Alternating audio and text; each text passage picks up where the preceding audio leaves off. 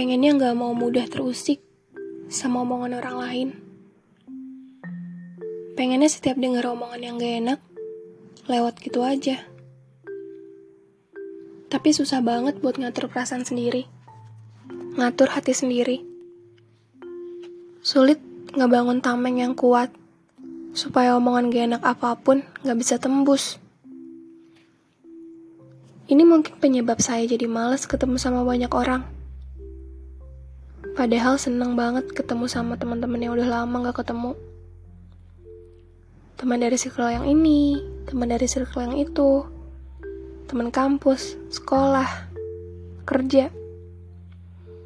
Ketemu mereka tuh pengennya ngobrol tentang apa aja yang udah mereka lewatin, ngobrol tentang pekerjaan, atau aktivitas mereka sekarang, tentang hal apa yang lagi mereka suka.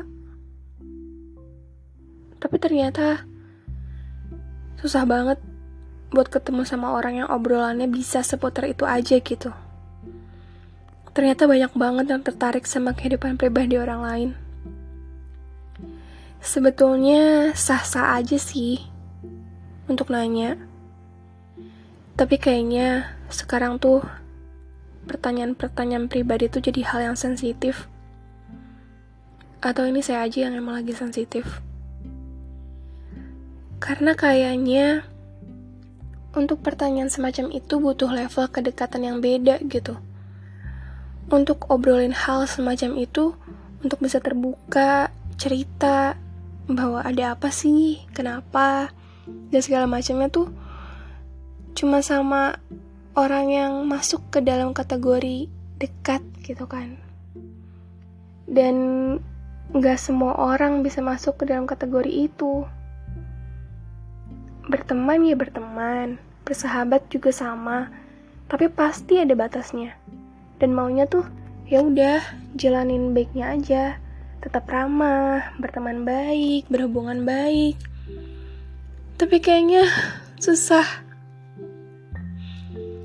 Setiap pertemuan pasti ada aja pertanyaan kayak gitu. Kapan? Mana? Siapa orangnya? bosen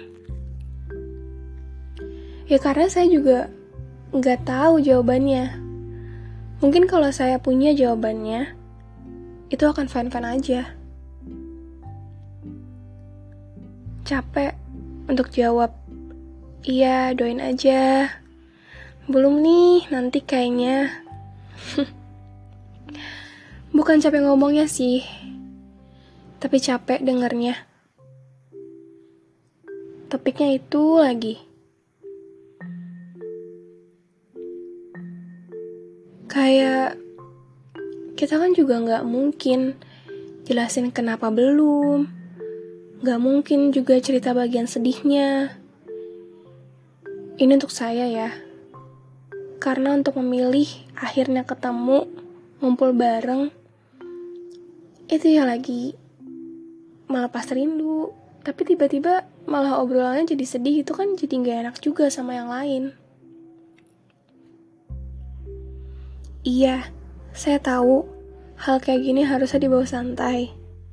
Iya, saya paham kalau hal kayak gini tuh bukan cuma saya yang ngalamin.